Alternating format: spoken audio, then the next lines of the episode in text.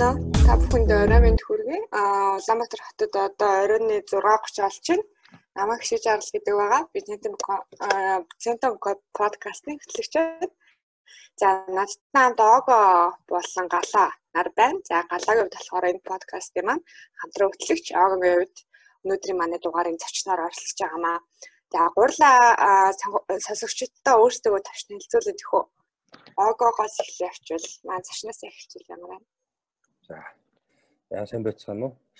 Намайг Отхон Пүрүү Огоо гэдэг. Тэгээд юуны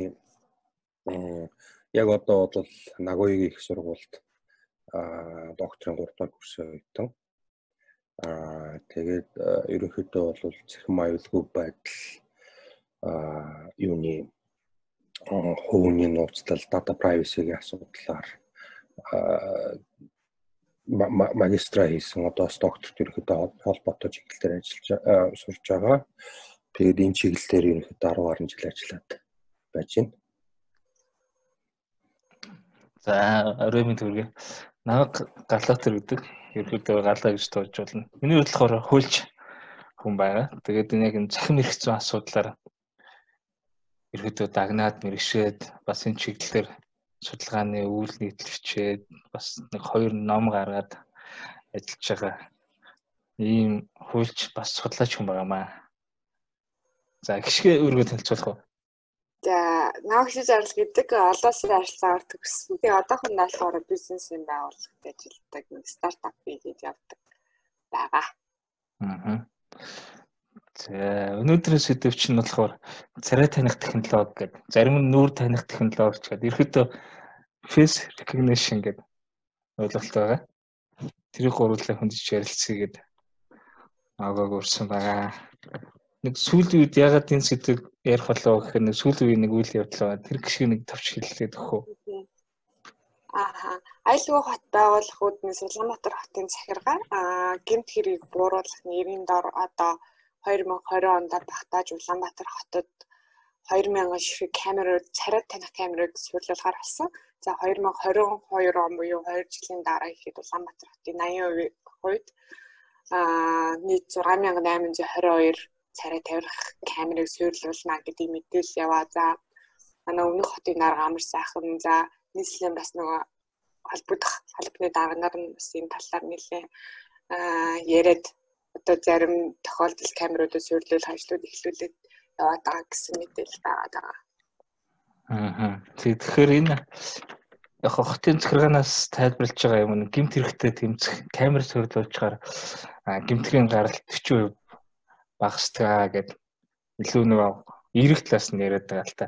Тэгэхээр миний хувьд болохоор сөрөг талаас нь уу эрсэл талаас нь хараад байгаа юм. Өвөл одоо энэ яриад байгаа камер нь болохоор одоо бидний одоо одоо ч байгаа security камераас арай өөр surveillance камер буюу яг нэг юм нэлээд наривчлалтай тагнах чагнах шинжтэй царай таних гэдэг чи одоо хүн болгоныг одоо наривчлал таньдаг тийм асуудал байна гэдэг.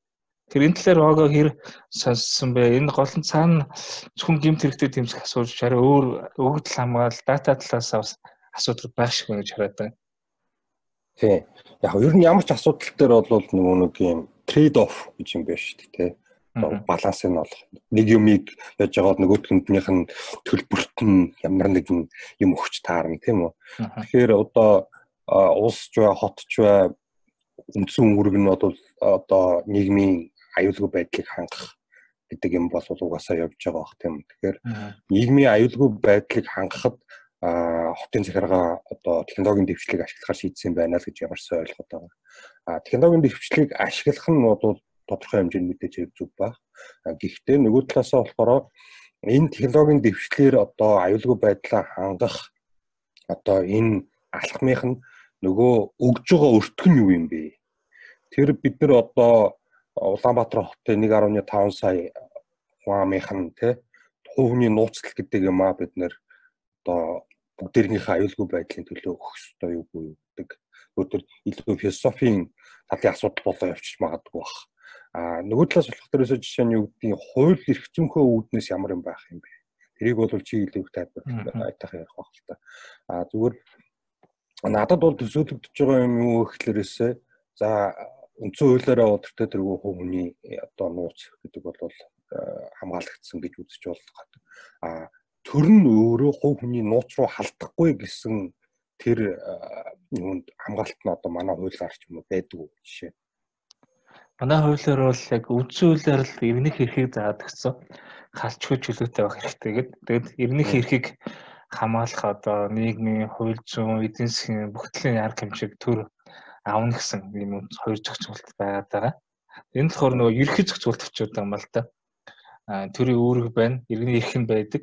Энэ яг нөгөө камер, царай таних технологи төр ирэхээр наривчсан зохицуулт одоо байхгүй болчиход байна. Өгдөл хамгаалах хууль байхгүй. Тэгээд гимт хэрэгтэй тэмцэх хэв журам хамгаалах чиглэлийн хуулиуд дээр яг энэ камерын асуудал байхгүй. Тэгээд одоо бол тийм журам гаргана, хууль нь одоогоор батлагдаагүй гэдэг энэ ах хүлээлт байгаа юм л да. Тэгэхээр яг 90-ийн үед бол эхлээд нөгөө нарийнсан хуулийг гаргачаад хуулиар тэр камера зөвшөөрөөд хин хянахын одоо буруугаар ашиглахаас хэрэглэх механизм нь юу байх вэ гэдэг. Тэр юм хийснийхээ дараа камера суурьдуулах асуудал юм байна гэж ойлгоод байна. Тэгэхээр яг уу сая хэдэн хэдэн сарын өмнөөс ч илүү бараг яригдаад байсан хэд хэдэн юмуд бол мэдээнүүд бол харагдчихлээсэн л та. Тэгэхээр а одоо баруунд бол жишээ нь ч гэдэг баруунд ч явах одоо Америкт бол хэд хэдэн газар яг одоо төр нь өөрөө одоо facial recognition team камерыг гэмт хэрэг идэвхжүүлэхэд ашиглахыг хоригдсон ийм журмууд хотын цахиргаа дүүрэн юу журмууд энэ гаргадаг. А бас энэ хэд өдрийн өмнө одоо англид юугаар нөгөө царай танд камерыг ашигласныг хууль бус гэж шүүхэн шийдсэн ийм кейсүүд энэ төр гараа явж байгаа байхгүй. Тэгэхээр манайх өөрөө буцаагаад миний хувийн бодол болохоор өсөө нэгэнт одоо бид нэр одоо одоо 21-р зуунд бол тэгтээ тэр дижитал технологи цухтаа харах байхгүй. Тодорхой хэмжээнд ямар нэгэн байдлаар бид нэр хувийн мэдээлэл байна уу ямар мэдээлэл байна тэрийг одоо хэн нэгэн үнд атгачлал таарна. Одоо хасаа явж байгаа одоо орчин цагийн одоо юм. Хамгийн гол нь энэ маань өөрөө нөгөө responsible байж чадчихэв үү, proportionate байж чадчихэв үү гэсэн тэр одоо хэдэн үндсэн шалгууруудад бид нар тавьж явахаас үр сонголтгүй болох байх л та. А гол зүгээр санаа зовж байгаа асуудал гэх юм бол бид нар тэртээ тэргүй хууль эрх зүйн систем ч гэдэг юм уу одоо Америк шиг Англи шиг нарийн зохицуулалттай хөгжиж чадаагүй байгаа амжаагүй байгаа газар амар хүчтэй зэвсэг нэгсэндөө эрх баригчдын гарт орчих зэрэг тэр нь буцаагаад одоо ард иргэдээ эрхэн хамгаалах одоо нөгөө тайраны гэж ярьдаг шүү дээ. Одоо тэрнээс яаж хамгаалах вэ гэдэг асуудал өргөж орж хараад байна л та би нэг хэдэн жилийн өмнө блог дээр биччихсэн. Тэр нь болохоор юуны нэг Америкийн үндсэн хуулийн дөрөвдүгээр өөрчлөлт гэж байдаг байхгүй Fourth Amendment гэдэг. Тэнд зааснаар бодвол төр өөрөө ямар нэгэн одоо тодорхой үндэслэлгүйгээр хувь хүний одоо орон зайд халдаж нэгжлэг энэ төр хийх. Тэрийг тэрнээс төрийг хязгаарлаж зохицуулсан байдаг. Ямар ч зорилгоор байсан хуульч хууль шүүхийн зорилгоор ч юу вэ. Заавалжгүй шүүхийн зөвшөөрлөлт дээр үндэслэж тухайн хүнд одоо нэгжлэг хийдэг байна уу, тагнаж чагнадаг байна уу тийм байх хэвээр. А энэ нь буцаагаад физик орчинд шүү дээ. Одоо энэ ч өөр 200 жилийн өмнө хийгдсэн хуулийн зохицуулалт. Физик орчинд хийгдсэн юм одоо дижитал орчинд ч гэсэн яг адилхан зарчимтай гэж үзээд байгаа байхгүй. Тэр өөрөөр хэлбэл би ямар нэгэн хэрэг хийгээгүй буюу гимгүү явж байгаа жирийн иргэнийг төр өөрөө мөрдөж тагнаад энэ нөхөр ямар нэгэн буруу хэрэг хийвэл одоо барьж авна гэсэн өнцгөр ингээд хүлээгээд байж явах бол одоо арчсан хүнлэн эднэргүй арчсан нийгэмд бол байг болшгүй асуудал болчихж байгаа байхгүй. Тэгэхээр одоо энэ технологиор тоглож байгаа томоохон тоглогчдын хувьд те жишээ нь Америкийн хувьд ч гэдэг юм уу иймэрхүү ядаж иргэдэд хамгаалсан зохицуултууд нь байгаа юм байна. А нөгөө нэг том тоглогчнууд эсрэг талын төлөвлөн шүү дээ одоо баримтлагтад ардуул шүү дээ. Тэнд болохоор нийгмийн байгууллаас эхлүүлээд бүх юм нь өөр байгаа учраас энэ дээр бол одоо ямар нэгэн одоо хувь хүний эрх чөлөөнөөс илүүтэйгээр нийгмийн аюулгүй байдал гэдэг ийм баланс тавьж чадах шүү. Тэгэхээр бид нар өөрсдөө хятадтай адилхан нийгмийн байгууллага сонгоогүй тодорхой түвшинд Америктай адилхан хүнлэг арчсан нийгэм байгуулна гэж байгаа бол тэр нь эргээгээд буцаага бид нар хятад шиг тийм хувь хүнийхээ эрх чөлөөнөөс илүүтэйгээр одоо нийгмийн аюулгүй байдлыг тавих одоо үндэслэл болохгүй л гэсэн үг байгаа юм л та. Энэ дээр чиний бодол. Тэгээ энэ дээр болохоор яг одоо төрний Америкийн дөрөвдүгээр өөрчлөлт нэмэлт гэдээ ярьлаа шүү дээ. Тэр чинь өөр бүр нөгөө тийм хувь кейс болгоноор нь кейс бай кейс гэдэг тухайн тохиолдол бүр дээр одоо яг ийм асуудал байна. Энэ хүнийг ингэж мөрдөж мөчих тагнах чагнах шаардлага байна гэд шүүхэн зөвшөөрөл аваад ингэж явах асуудал тэр баталгааг бүрдүүлсэн тийм ээ. А тэгэхээр одоо энэ их хэл мэдээлэлээр гараад байгаа хотын захиргааны удирдлагуудын мэдээлэл төр бол энэ нөгөө яг тухайн тохиолдлын асуудал биш. Ерөөсөө л хэрэг гарч магадгүй гэдэг тийм масс буюу зэрэг хамаарсан нийтийг хамарсан маягаар энэ царай таних технологи суурилж ажилуулах юм шиг ойлгогдоод байгаа юм л та. Тэгэхээр энэ бол өөрөө нэгдүгээрт яг зорилго нь тийм хөрч хувьд бол нэг гурван шинж байгаа юм л та. Зорилго нь зөвхөөгүй юу гэдэг. Зорилго нь бол ингээд сал нийлж хан гэмт хэрэгцээ тэмцэх эрдийнхээ аюулгүй байдлыг хангах гэдэг энэ зорилго нь бол одоо дэмжиж байгаа. Энэ бол нэг ялч хөт хөрийг хийх ажил тэргээ хийх гэдэг байгаа маань. Хоёрдугаар тэр нөгөө шаардлагатай гэдэг дээр эргэлзээтэй байна гэсэн үг л дээ. Өөрөлд яг энэ гимт хэрэг төчөө бууруулахад яг энэ юм өндөр хүчин чадалтай юм үдэн өшгөж чиглэсэн царай таних технологи бүхий камерыг суйрлуулах нь шаардлагатай юу юу. Дараа нь яг энэ камерыг ажилуулах энэ камерын одоо хяналтын үр дүн ашиглах тэр адуу шалтгаанд яг тохиромжтой байдлаар дүүцүүлсэн байлаа бүр пропорционал маягаар нэг ажилуулах баталгаа байгаа юу гэдэг энэ эргэлзээ байгаа юм л да. Тийм үү гурван шаардлага тавихад би хоёр шаардлага дээр нь бол эргэлзээтэй байна. Өөрөөр тэр зарим би бас саний ярьцлага хэлэхээс өмнө харлаа л да. Гимт хэрэгийг бууруулахад энэ камер үйл ажиллагаа шууд нөлөөлдгөө гэхээр хоёр янз юм байна. Зарим нь болохоор юу камерууд өнд цуурлуулахаар гимт хэргийн гаралт буурдгаа гэсэн судалгаанууд байна гэдэг. А эсрэгээр тэгэхээр энэ гэхдээ ямар хэрэгүүд гэхээр голцоо нөгөө гаражнаас машин удаалах шиг гэдэг юм. Тэр чиглэлийн хэрэгүүд бол буурдаг гэсэн судалгаанууд байгаа маань бус дууссан да. Гэхдээ бас эсрэгээр харж хэрэг өсдөг гэсэн нэг судалгаанууд байна л да. Өөрөөр одоо бид кинонд дэр харж байгаа нэг камерыг халахлж байгаа жинхэнэ нөгөө янз бүрийн хэрэгүүд үйлддэг. Эсвэл камер руу газар нэг сонгочоод янз бүрийн хэрэг үйлддэг гэдэг. Тэр нь бол камер суурилалт гэдэг нь бол яг тийм цэвэр ерөөсөө камер суурилалт хэрэг багасаад явждаг асуудал биш юм байна. Энэ гемт хэрэг гэдэг чинь өөрөө нөгөө өөр хүчин зүйлсүүтэй гэдэг. Одоо ядуурл босрлын одоо хүртээмж багтай байдал гэдэг энэ хүчин зүйлсүүдээс хамаардаг. А мэдээж камер сурлуулах нь тодорхой үр дүнтэй боловч нийт одоо 30% гемт хэрэг бууруулна гэдэг цаана нийт Улаанбаатар хамаг 100% одоо өндөр хүчин чадал бүх юм царай тант камераар тагна гэдэг нь өөрөө яг энэ шаардлага нийцэхгүй байна. Тохиромжтой гэдэг шинжийг хангахгүй байна л гэж хараад байгаа юм. Тэрэн дээр одоо жишээ нь юу байгаа байхгүй? Аа одоо нөгөө false sense of security гэж ярьдаг шүү дээ. Одоо нэг аюулгүй юм шиг одоо аюулгүй юм шиг санагдаад. Аа за. Тэгээд ингээд итгэж найдаад ч гэдэг юм уу ингээд хүн их тийм юу болчих тохиолдол байд. Одоо өөрөөр хэлбэл нэгэнт камер байгаа юм чинь яаж чадахгүй гэдэг. Энэ чинь нөгөө өөрөө буцаагаад нөгөө сэтгэл зүйн баг хоёр талын асуудал болж байгаа. Нэг талаас болохоор булгаач за дэлгүүр чинь камер байгааг харах юм бол заа камертай байна би булгааж болохгүйгээ гараа явах. Тэ нөгөө хоосон буунаас 20 хүн байна гэдэг. Нөгөө талд нь болохоор дэлгүүр болохоор камертай юм чи яг хин яавал гэж ингээд ий задгаа хамаг юм орхичдаг ч байдаг юм уу те. Гэтэл яг одоо тухайн агшин тулгаач одоо хулгай их өнцгийг нь тухайн камер барьж авч чадахгүй байх ч байдаг юм уу те. Тийм болохоор эсэргээрээ нөгөө гинтергийн гаралтыг чинь нөгөө ихсэж байгаа гэдэг байгаа аргумент чинь болохоор өсө тэр нөгөө false sense of security гэдэг юм үүсгэж байгаа гэж ойлгоод байгаа. Буцаагаад жирийн үед одоо сонор сэрэмжтэй ч байд юм уу те болгоомжтой байдаг хүмүүс маань а камерт найдаа тэр тэргүй камер байгаа юм чи яад гин гэсэн юм эсэргээрээ асуудал үүсгэж магадгүй юм л та. Тэгэхээр яг нэг чиглэлтэй асуудал биш болж царах гэдэг бас ер нь бол тий айгуу тийм айдал талдаа юутай аргумент л болчихж байгаа юм да. Тэгээд 6 сард жилөө гарсан тэр нэг Джон Оливерийн нэг юу нэвтрүүлэг үзчихсэн. Тэрэн дээр гэсэн нэг хөрхөө харьцуулт хийсэн байл л дээ. Мэдээж хэрэг одоо юу гэдэг гинт хэрэг бууруулна гэдэг бол тэ ямар ч засгийн ямар ч удирдгчдын хувьд одоо мөрөгдлийн зорилго нь шүү дээ. Гэтэ ямар өртөг үнээр вэ гэдэг асуудал багхгүй. Одоо айл болгонд нэг нэг цагтаа ингээд хараад бүх хүмүүсийг хард суугаад те ингээд юу хийж байгааг ингээд тэмдэглэл бичиж аваа сууж байвал тэнд бол ямар ч гэмтэр гарахгүй шүү дээ. Тэгээ тэр цагдааг ажилуулах одоо үн өртгөөс нь өксүүлээд заа. Энэ тохиолдолд бид тэр цагдааг автоматжуулчихж байгаа юм тийм үү. Тэгэхээр өртгийг нь бол багасгах чинь гэсэн. А гэтэл нөгөө хүмүүс байнга нэг хүнд ингээ харуул харагдаад байж ах нь өөрөө хэр одоо цаатай мэдрэмж төрүүлэх үү те.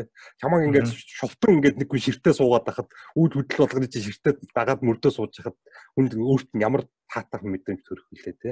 Тэр өнцгөөс ярьж байгаа.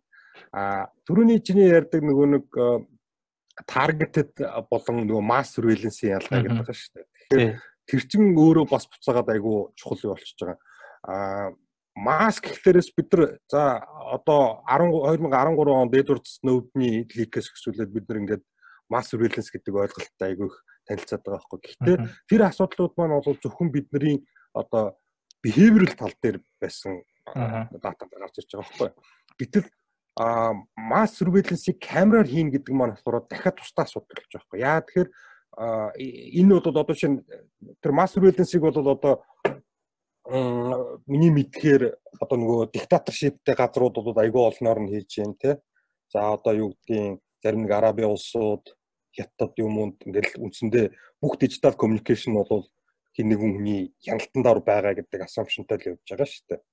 А гэтэл нөгөө талд нь болохоор өсөө юу хаа байсан одоо их чөлөөний орон Америк нөрөө хүртэл бас surveillance хийж байсан сая 2013 онд Эдвардс нөвд нэлчлээд сүүлд нь бөө хилан болж байгаад нөгөө програмыг татаж буулгаж бариад ингээд ийм юм болж байгаа шүү. Аа гэтэл тэр маань болохоор бидний царайг харахгүйгээр өөрөөр хэлбэл бидний хийж байгаа үйлдэл дээр үндэслэл surveillance хийж байгаа. Би ийм сайтууд руу ордог. Ийм хүмүүстэй мэйлэр харилцдаг ч байт юм уу те.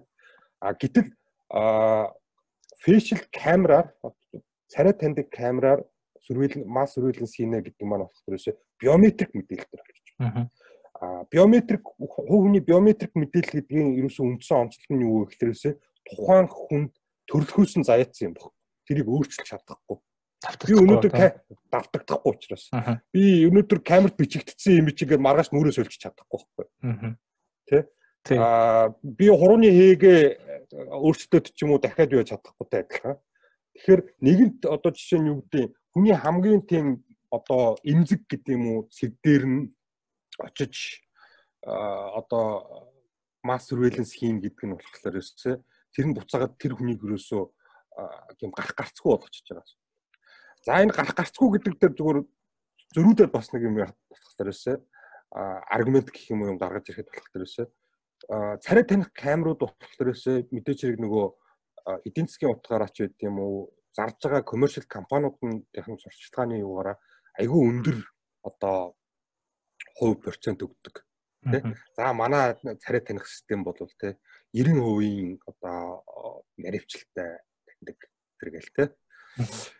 За тэгэнгүүт 90% наривчлалтай таньж байна гэдэг нь болохоор 100 хүний одоо 10-ыг нь буруу таньсан байна ч гэдэг юм те. Гэтэл тэр 100 хүний 10 буруу танигдсан хүмүүстээр нөгөө талын асуудал гарч ирж байгаа. Тэр 10 буруу танигдсан хүмүүс ба зүгээр бүр улаанцтай том гинт хэрэгтгийн нотлох хэд баримт болоод аваа явуул яах вэ? Энийг яг тэгэхээр эд бүрийн баримт гэж авч үзэх болох уу? Хуулийнхаа өнцгөөс. Одоо шинэ ДНК-гийн мэдээллийг бол миний ойлгож байснаар 90-ад оноос л яг хөдөлшгүй баримт болгож гаргаж ирсэн юм байна шүү дээ, тийм үү? Тэрнтэй адилхан царай таних технологийн одоо танигдж байгаа одоо жишээ нь би хүн алчаа явж байгаа миний царайг одоо хөгдөлсгүй баримт болгож авах төвшөнд тэр хизээ хүрэх нь бол чинь технологийн асуудал болж байгаа шүү дээ. Гэхдээ ямар төвшөнд хүрсэн хойно тэрийг хууль зүйн өнцгөөс нь нотлох баримт гэж авч үзэх вэ гэдэг дараагийн асуулт. Энэ дээр юу гэж бодож байна? Тий одоо нэг 10 үлдчихлээ шүү дээ. Өөрөөр 91 зөв таньдаг 11 буруу таньдаг гэхээр цаана хууль зүйн хилэмдүүлэх хэрэгсэл байна гэж хараад байна л та. Тэгэхээр одоо тохиолбол намайг нөгөө нэг хэрэгтэнтэй адилхан царайтай байна гэж буруу таниад за чи одоо одоо хулгайн хэрэг дээр авах юм бол ингээд хулгайн хийж байгаа нөхрүүд чамаа ингээд бид камераар барьлаа. Одоо хэрэгээ хүлээ эрхийнхээ талаар ярьж хийдэг. Ингээд ярихаар Нэгдүгээр би өөрөө наацх нь ингээд байцаагтахаас хавлаад бүтэн өдрийн ч юм уу 7 хоногийн ажлаа алдна. Би биш гэдгээ өөрөө нотлох гэж бадвал өмгөөлөгч авч таарна.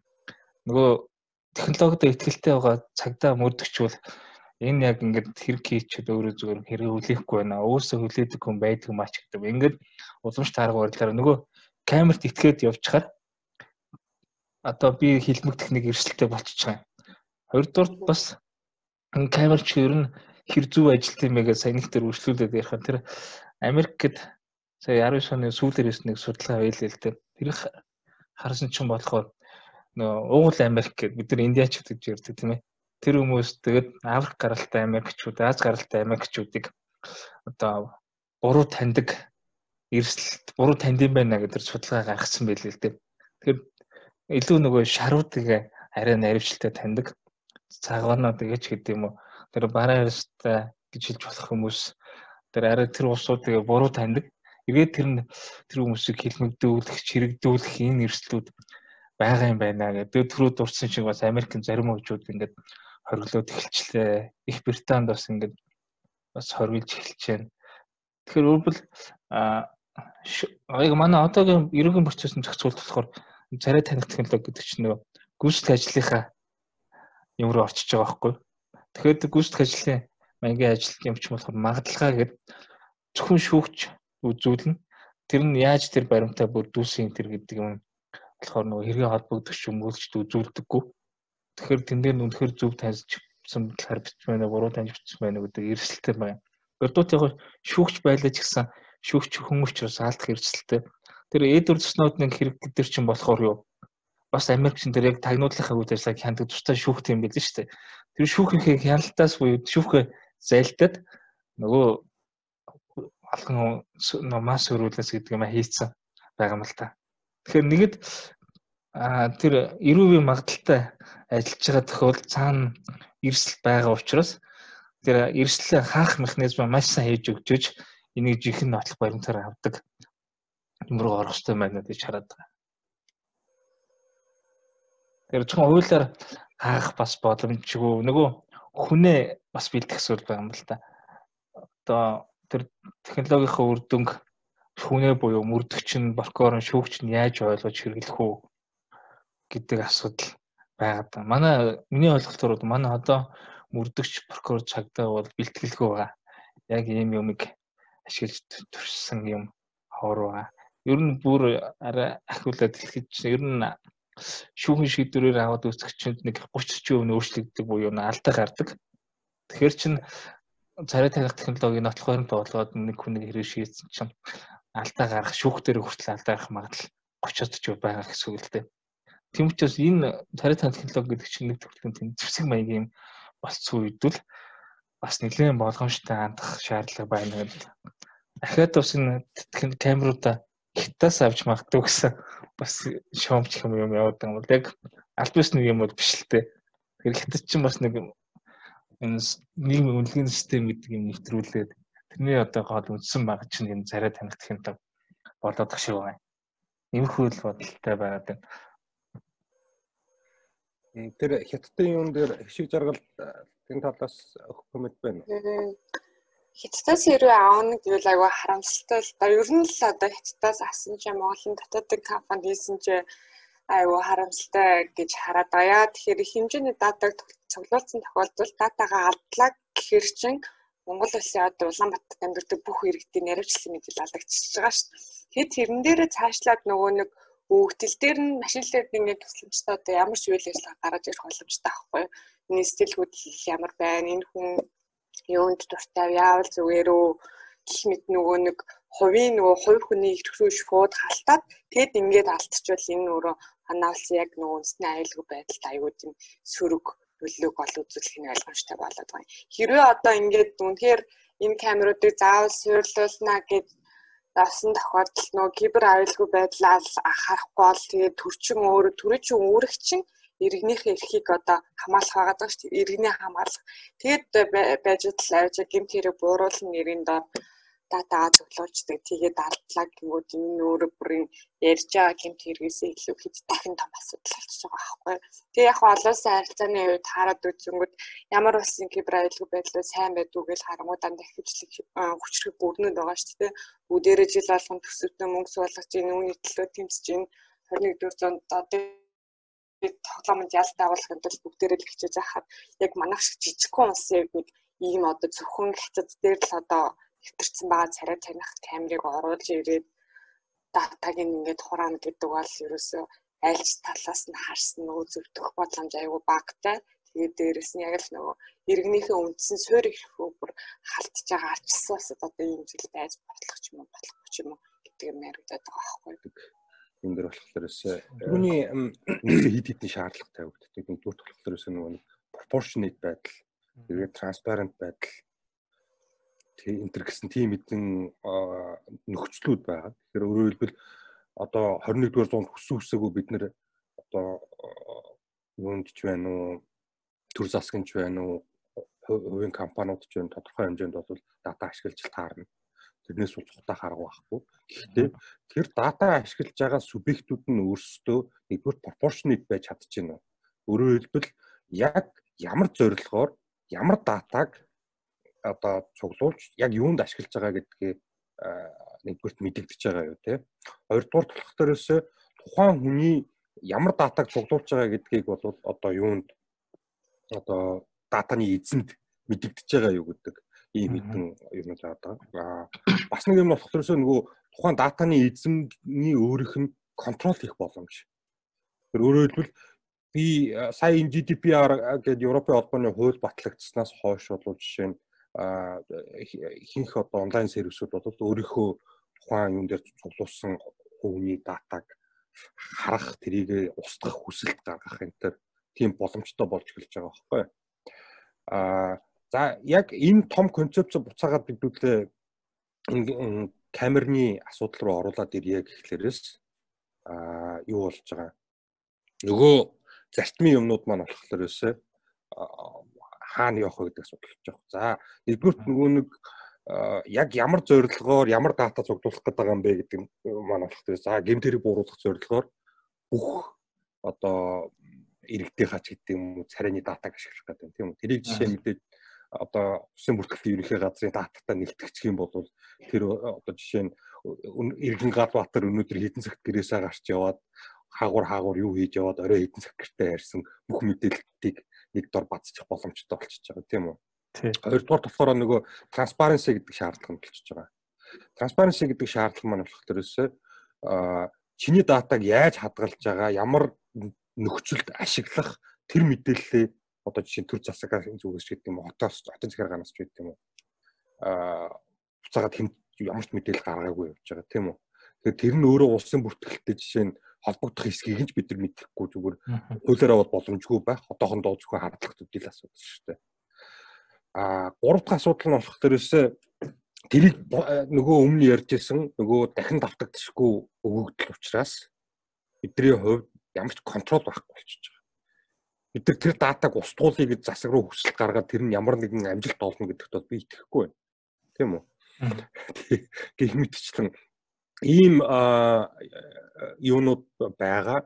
Тэгэхээр зүгээр ерөнхий одоо хувь хүний мэдээлэл гэдэг өнцгөөс харахад аа тэгээд тэрний одоо нэг нарийн тохиолдол гэж авч үзэх юм бол энэ хувь хүний царай таньж одоо тэрийг одоо нөгөө юу гимт хэргийг бууруулах зорилгоор ашиглана гэдэг нь бол зарчмын их асуудалтай юм байна.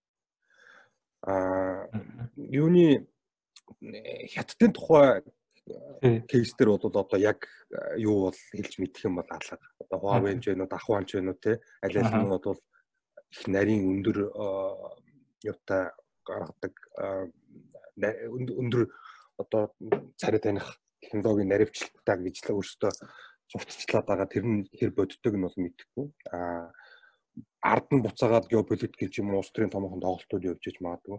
А түрүүн чиний ярьсан харин тэр нөгөө Америкт одоо нөгөө цагаан хүмүүсийг илүү таних юу яах энэ гэсэн асуудал байна шүү дээ. Нөгөө ethical AI гэдэг баахан бас дискшн яваад байгаа шүү дээ. Одоо тийм л оюун ухаан маань өөрөө хэр этиктэй байх вэ гэдэг асуудал. Тэнгүүд нөгөөдхөн дээр нөгөө сургасан датаныхаа баясаас шалтгаалаад ямар төрлийн юу болж байна. Өөрөөр хэлбэл цагаан хүмүүсийн дата их байгаа болохоор тэднийг илүү таньдаг энэ гэсэн юм руу орчиж байгаа байхгүй юу? Аа. Гэтэл нөгөө талд нь болохоор яг тэр өнцгөөсөө харах юм бол магадгүй хятад бидэртээ илүү ойрхон байхгүй? Одоо зүгээр жишээ нь гэх юм бол жишээлбэл заяа би энэ дэр хятадыг өмөрөөд байгаа юм бол байхгүй заа. Жишээд өнцгөөс нь харах юм бол хятадын Face Plus Plus гэдэг нэг тийм юу байгаа систем байдаг. Тэгээд ерөнхийдөө тэднийх бол айгүй өндөр наривчлалтай. Миний ойлгосноор баг хятадын тэрбум хүн дээр сургачихсан дата юм шиг байгаа. Тэр нь бол за мэдгүй одоо нарийн тоог нь мэдэхгүй зүгээр би баримжил баг тэр хүмүүн дээр сургасан болов уу таагаадсан юм. Тэгэхэд тэр бол их өндөр наривчлалтай гаргаж ирдэг. Буцаагаад Монгол хүн дээр тэрийг туршихад бол айгүй сайн тань. Айгүй сайн ажиллана. Эсрэгээр барууныхан сайн ажиллахгүй гэж магадгүй. Аа хэрвээ үнэхээр одоо төрөүний нөгөө 90% одоо ашигт үлийн коэффициенттэй юмыг те буцаагаад 10% алдааг багасгая гэх юм бол магадгүй бид нар Face Plus шиг юм ашиглах хэрэгтэй болохыг үүсэхгүй. Эсвэл их датагаа ахад цуглуулах боломж олгоно гэсэн юм шиг болчихж байна те. Тий. Гэхдээ одоо чинь Facebook шууд Facebook Plus Plus-ыг ашигладаг гэж яриул айгу утгагүй байхгүй яа. Тэгэхээр тэдний одоо бизнес модель нь юу гэхэрээс хүмүүс тэдний модельийг үнгүй аваад тэгээд өөрсдөн дээрээ ашиглачаад тэр датаг нь тэднийх авчиж байгаа байхгүй. Аха. Тэгэхээр бид нар одоо юу гэдэг яг тэдний моделлерч гэдэг юм уу одоо ажилуулна гэх юм бол тий 2 сая хүнийхээ датаг өгөөд зөрүүлээд нэг тэр хүмүүний хүн дээр сургацсан модель ажилтнууд илүү наривчлалтай сайн болдог болно гэсэн үг болчихж байгаа байхгүй. Тэг эсэргээрээ нэг 2 сая хүнийхээ датаг бас өгчөж байгаа юм шиг өгчөж байгаа гэсэн үг байхгүй тий. Тэгэхээр тийм одоо гих мэтчлэн айгүй олон өнцгөөс харж ярилцах шаардлагатай юм болов уу гэж хараад байна л та. Аа. Тэгэхээр энэ бид саяны гурван ярьдаг шиг энэ өнцгүүдээр харах потенциал гэх юм уу ирмэлзэл төрийн байгууллагад хэр байгаа бол яг хүмүүсийн сайн танихгүй болохоор гэж мэдэхгүй байна л да. Төрийн адбагчтай бас итгэх ёстой боловч бас энэ сонгуулийн үр дүнгээр төрийн адбагч нар солигддог энтер гэдэг явахаар мэрэгсэн доктортой мэрэгсэн адбагч доктортой ажиллах тэр юм нь бас эрсдэлтэй учраас яг тэн дээр бас яг ийм мэрэгжлийн энэ саяны ярьсан өнцгүүдээс харах улсууд байгаа болов ямар бол тэгээд бас болгоомжтой байгаа маа яг үнэ хэлэхэд Тэгээд энэ дэр яг царай таних камерыг би одоо байрлуулснаар яг гимт хэрэг багасна гэж харж байна. Юу болохоор энэ дэр яг гимт хэргийн илрүүлэлт нь ол ихсэх бах. А яг нөгөө гимт хэрэг хийхээ болоод ч юм уу тэрэн дээр нэг амар тийм тоо зүйл нүсэн гэдэг тийм гаргалаг бол олж харахгүй байгаа шүү дээ. Зүгээр яг илрүүлэлт төсөөл явах байхаа. Гаргал гар гаралтыг юм шиг болно. Тэгвэл бол яг камерных нь урд нэг залуу өөр нэг хүнийг дээрэмдлэхэд камерууд яаж чадахгүй тийм ээ. Хараал өнгөрнө. Өөрөөр тэр гимтэр гардгаар гарна. Аа нөгөө нэг дээрэмсэн нөхрийг хурдан олоход арай илүү нааштай механизм болчихж байгаа. Тэгэхээр бас яг нь гимтэр бууруулах гэдэг аргумент бас яг тийм хөдөлшгүй аргумент бас биш болж хараад байгаа юм л та. Тэр нь хоёр бууруулах хөдөлгөөнийг хурдан олноод гэсэн үг юм байна шүү дээ. Тий. Хэрэгтнийг илүү олно. Эргийг бууруулах гэхээр арай өөр болчихж байгаа. Тий. Тэгээд 200-аар гимт хэрэг байгаа. Яг аль гимт хэрэг яриад байгаа. Бүх гимт хэрэг яригдаад байгаа юм уу гэдэг. Зөвхөн орон байрны авалгаа дээр машины авалгаа гэдэг асуудал юм уу? Өөр одоо хүч хэрэгэлсэн шийдтэй хэрэгүүдийг бууруулах юм уу? Ахаад хэрэг гэрэх юм аль гимт хэрэг хөвдөө гэдэг бас аргумт гарах гэдэг юм да. Одоо юу би нэг 2 сарын өмнө жилөө сайн санахгүй байна. Одоо нийслэлийн инновацийн газрын дарга болоод нөгөө халуун бүтээгдэхүүнтэй Twitter дээр ерөнхийдөө нэг хальт маргалцсан юм. Мань хүний тухайн үед гаргаж тавьсан аргумент болохоор өсөө энэ бол бид нар машины дугаар таних камераа сайжруулж байгаамаа тий. Дугаар таних юмд нь болохоор царай таних одоо технологийн давхар орж ирдэг юм билээ. Царай танихыг нь бид нар ажиллах болохгүй. Одоо дугаар танихагаа зөвхөн юу яаж явна гэсэн утгатай юм бол Twitter-ээр над хариу. Тэр нь бол аль бие усны бас хариу бол гэж хэлэх гэсэн үг. А гэхдээ нөгөө талаас болохоор ерөөсөө за машины дугаар таних дээр бол дугаар таних хүний царай танихыг бол хамаагүй хялбар асуудал гэхгүй юу. Одоо энэ бол баг 90-ад оноос хойш барууны орнууд дугаар таних автоматар танихыг бол айгүй сайн технологийн хувьд шийдэж явуулсан юмнууд байдаг. А энэний ард нь одоо явж байгаа процесс юг нь мэдэхгүй зүгээр нөгөө гуй дагуулж хүзүү гэдэг шиг дугаар таньдаг юм авчин чин араас нь царай тэр нь бас царай таньдаг байсан бэлээ гэсэн утгатай юм яриад байгаа шүү дээ. Тэгэхээр тэгэхээр тэр маань өөрөө буцаагаад одоо юу гэдэг аа нөгөө бусад дарга нарын нь өгсөн одоо ярьцлага өгсөн мэдээллүүдтэй болохоор зөрчилдөд байгаа байхгүй. Тэгээд нөгөө түрүүний миний яриад байдаг нөгөө транспарент гэдэг юм чинь яг энэ дээр бол харагдахгүй болчиход байна л та. Өөрөөр хэлбэл бид нар яг тэнд ямар зорилгоор ямар дата цуглуулад юунд ашиглах гэдэг зөвхөн миний машины дугаарыг ашиглах гэдэг юм уу? Эсвэл миний царайг бас давхар ашиглах гэдэг юм уу гэдгээ хоёр өөр зөрчилтэй мэдээллүүд. Засаг даргын нөхцөлийг ярилцлагын тухайн засаг дарга амар сайхны ярилцлагаар болохоор царайг нь таньж гимтэрхийг бууруулна гэсэн байсан. А тэгсэн инновацийн газрын дарга нь болохоор зөвхөн машины дугаар таньна гэсэн юм байна. Тэгэхээр одоо яг одоо юу гэдэг нөгөө transparency гэдэг юм бол энэ дээр харагдахгүй байгаа байхгүй?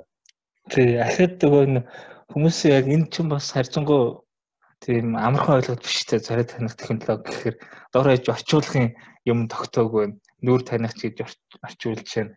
Тэгэхээр энэ нөгөө хүмүүсийн сайн жишээн дэрхэд гурван албан шалтгаанд ордог. Эдний ойлголт мэдлэг юмнаас бас хамаарат шүү. Тэ. Нэг нь өөрийнхөө ойлгосноор ярьдаг. Яг альбных нь хариуцсан бас нэг арай өөрөөр ярьдаг ч гэдэг юм. Тэгэхээр уг нь бол яг л нэг л ойлголттой нэг л одоо зоригтой байх хэрэгтэй. Гэтэл тэн дээр бас эргэлзээтэй байдал үүсгэж ташиг байна. Тэгэхээр яг одоо энэ хүмүүс нэгдмэл байр суурьтай болооч гэж хэлэх нь аашаа яг болчих нь амхан бах л та. За гуруулдаа бол за ерөөс энэ жоохон шөмлөд байгаа хүмүүс нэг ийм л өнцгөр юм хэлчихье гэж тохирчих нь амархан бах.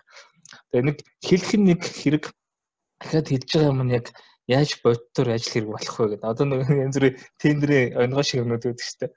Нэг багшийн тэнд нэг гоё усаа хэрэглэх гээд зураг мөрөнд амар гоё. Одоо энэ хинтийч гэсэн ус яригдаад ташгүй.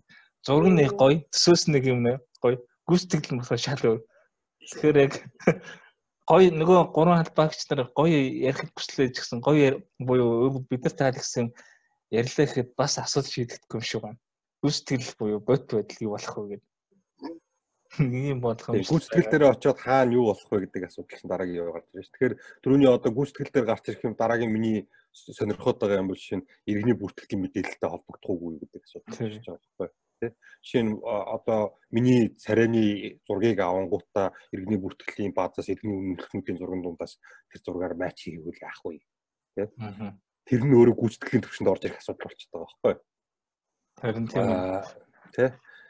Тэр нөгөө road map гэдэг чинь өөрөөр гүйцэтгэлээрээ бид нар ингэнэ.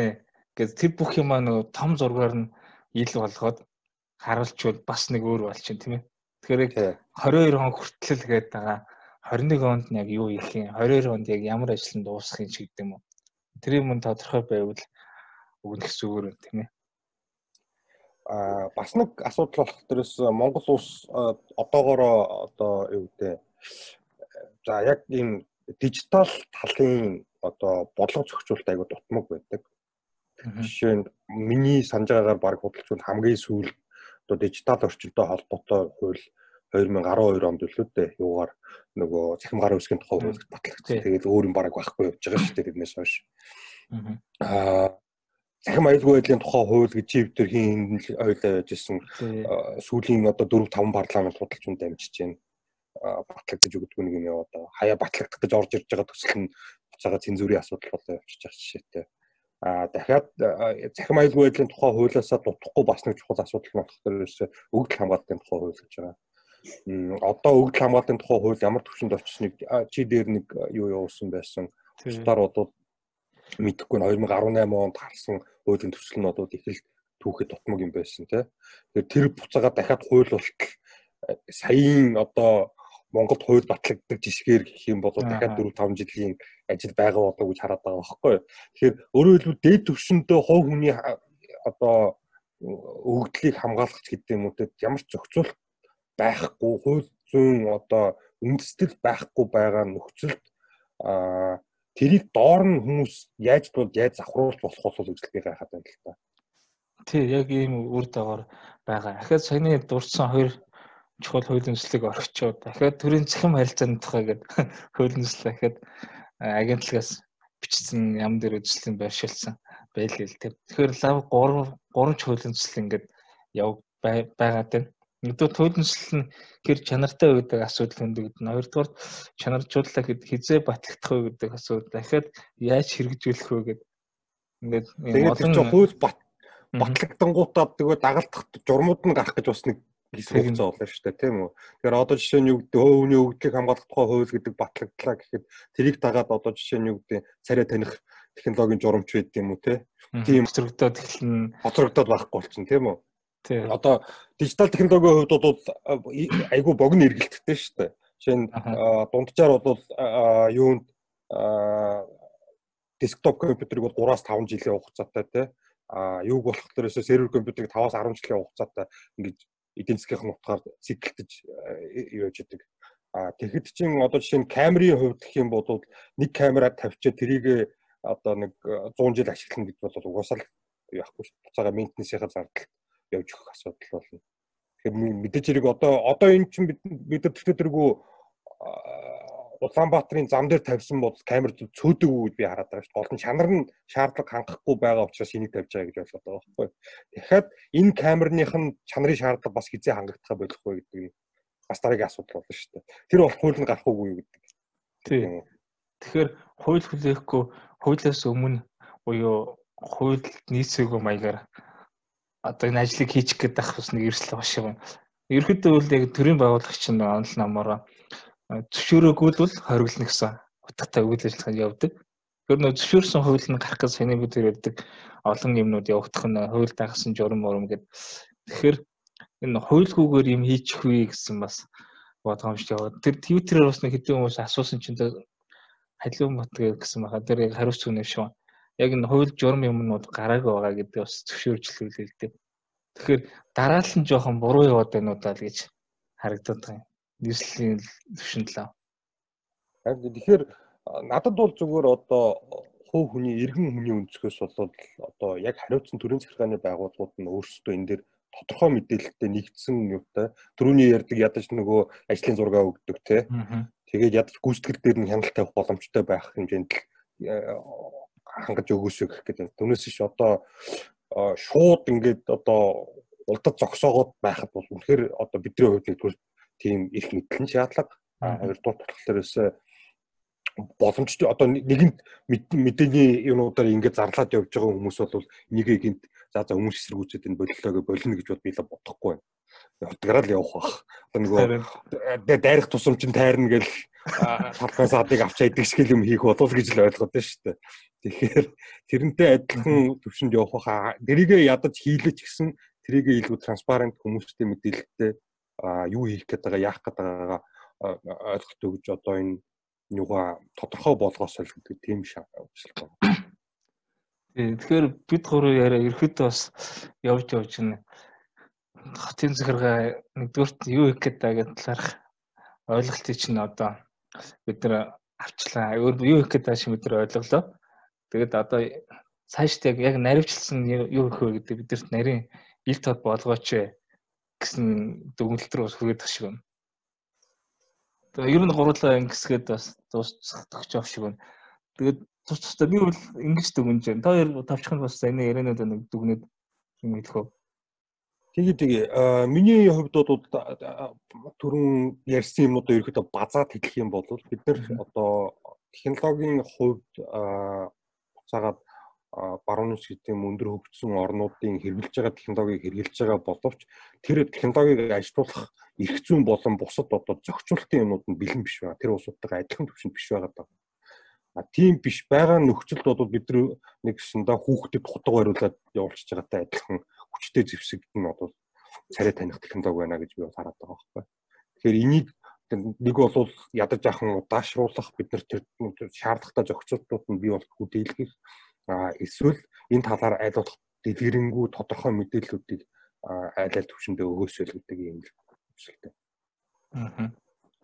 Гişгэ Миний хувьд болохоор ерөөдөө тэгээд гимт хэрэг бууруулын нэрийн дор гэж яриад байгаа шүү дээ. Царай төвх камбик байрлуулад гэмт хэрэг бол их буурахгүй хаа илрүүлэлт нь буурах. А тэгээд яг нөгөө энэ захим технологи яригдаа кибер аюулгүй байдал гэл айгүй олон юмнууд яригдаад өнөөдөр 21-р зуунд улсууд өөрсдийнхөө технологийн төлөө явж яхаа заавалчгүй одоо юу юу ч дутуу ээжэж энэ камерыг ингээд суйрлуулна гэдэг нь өөрөө айгүй том жижиг улсын үед айгүй гадаад шиг дотоод шиг бодлоготой айгүй тийм сөрөг асуудалтай сөрөг үр дүнтэй зүйл шиг санагдаад байгаа байхгүй. Ерөнхийдөө тэгээд хүний эрхийг зөрчөөд ингээд нэг бол бүхэл ингээд нэг дэмжихгүй байх талаас нь айгүй тэгж явъя гэсэн. Одоо тийм байр суурьтай байгаа. Аа за. Тэгэхээр энэ бид гурван яриагаар ингээ өндөрлөхгүй ахад бас өөр хүмүүсийн дуу хоолойг сонсоод бас үргэлж мэдхээр болчихлоо л доо. Тэгэхээр бас дахиад өөр хүмүүс ч гэсэн өөр юмнуудыг найрчлж ярилцах санаа сэтэл бас өгсөн болов уу гэж найдаж байна. Тэгээд гурлаа ирэхэд яриагаа өндөрлөх үү? За тэгээ. За олсон баярлалаа өгөө. За баярлалаа өрсөн. Тэг. За баярлалаа. За баярлалаа.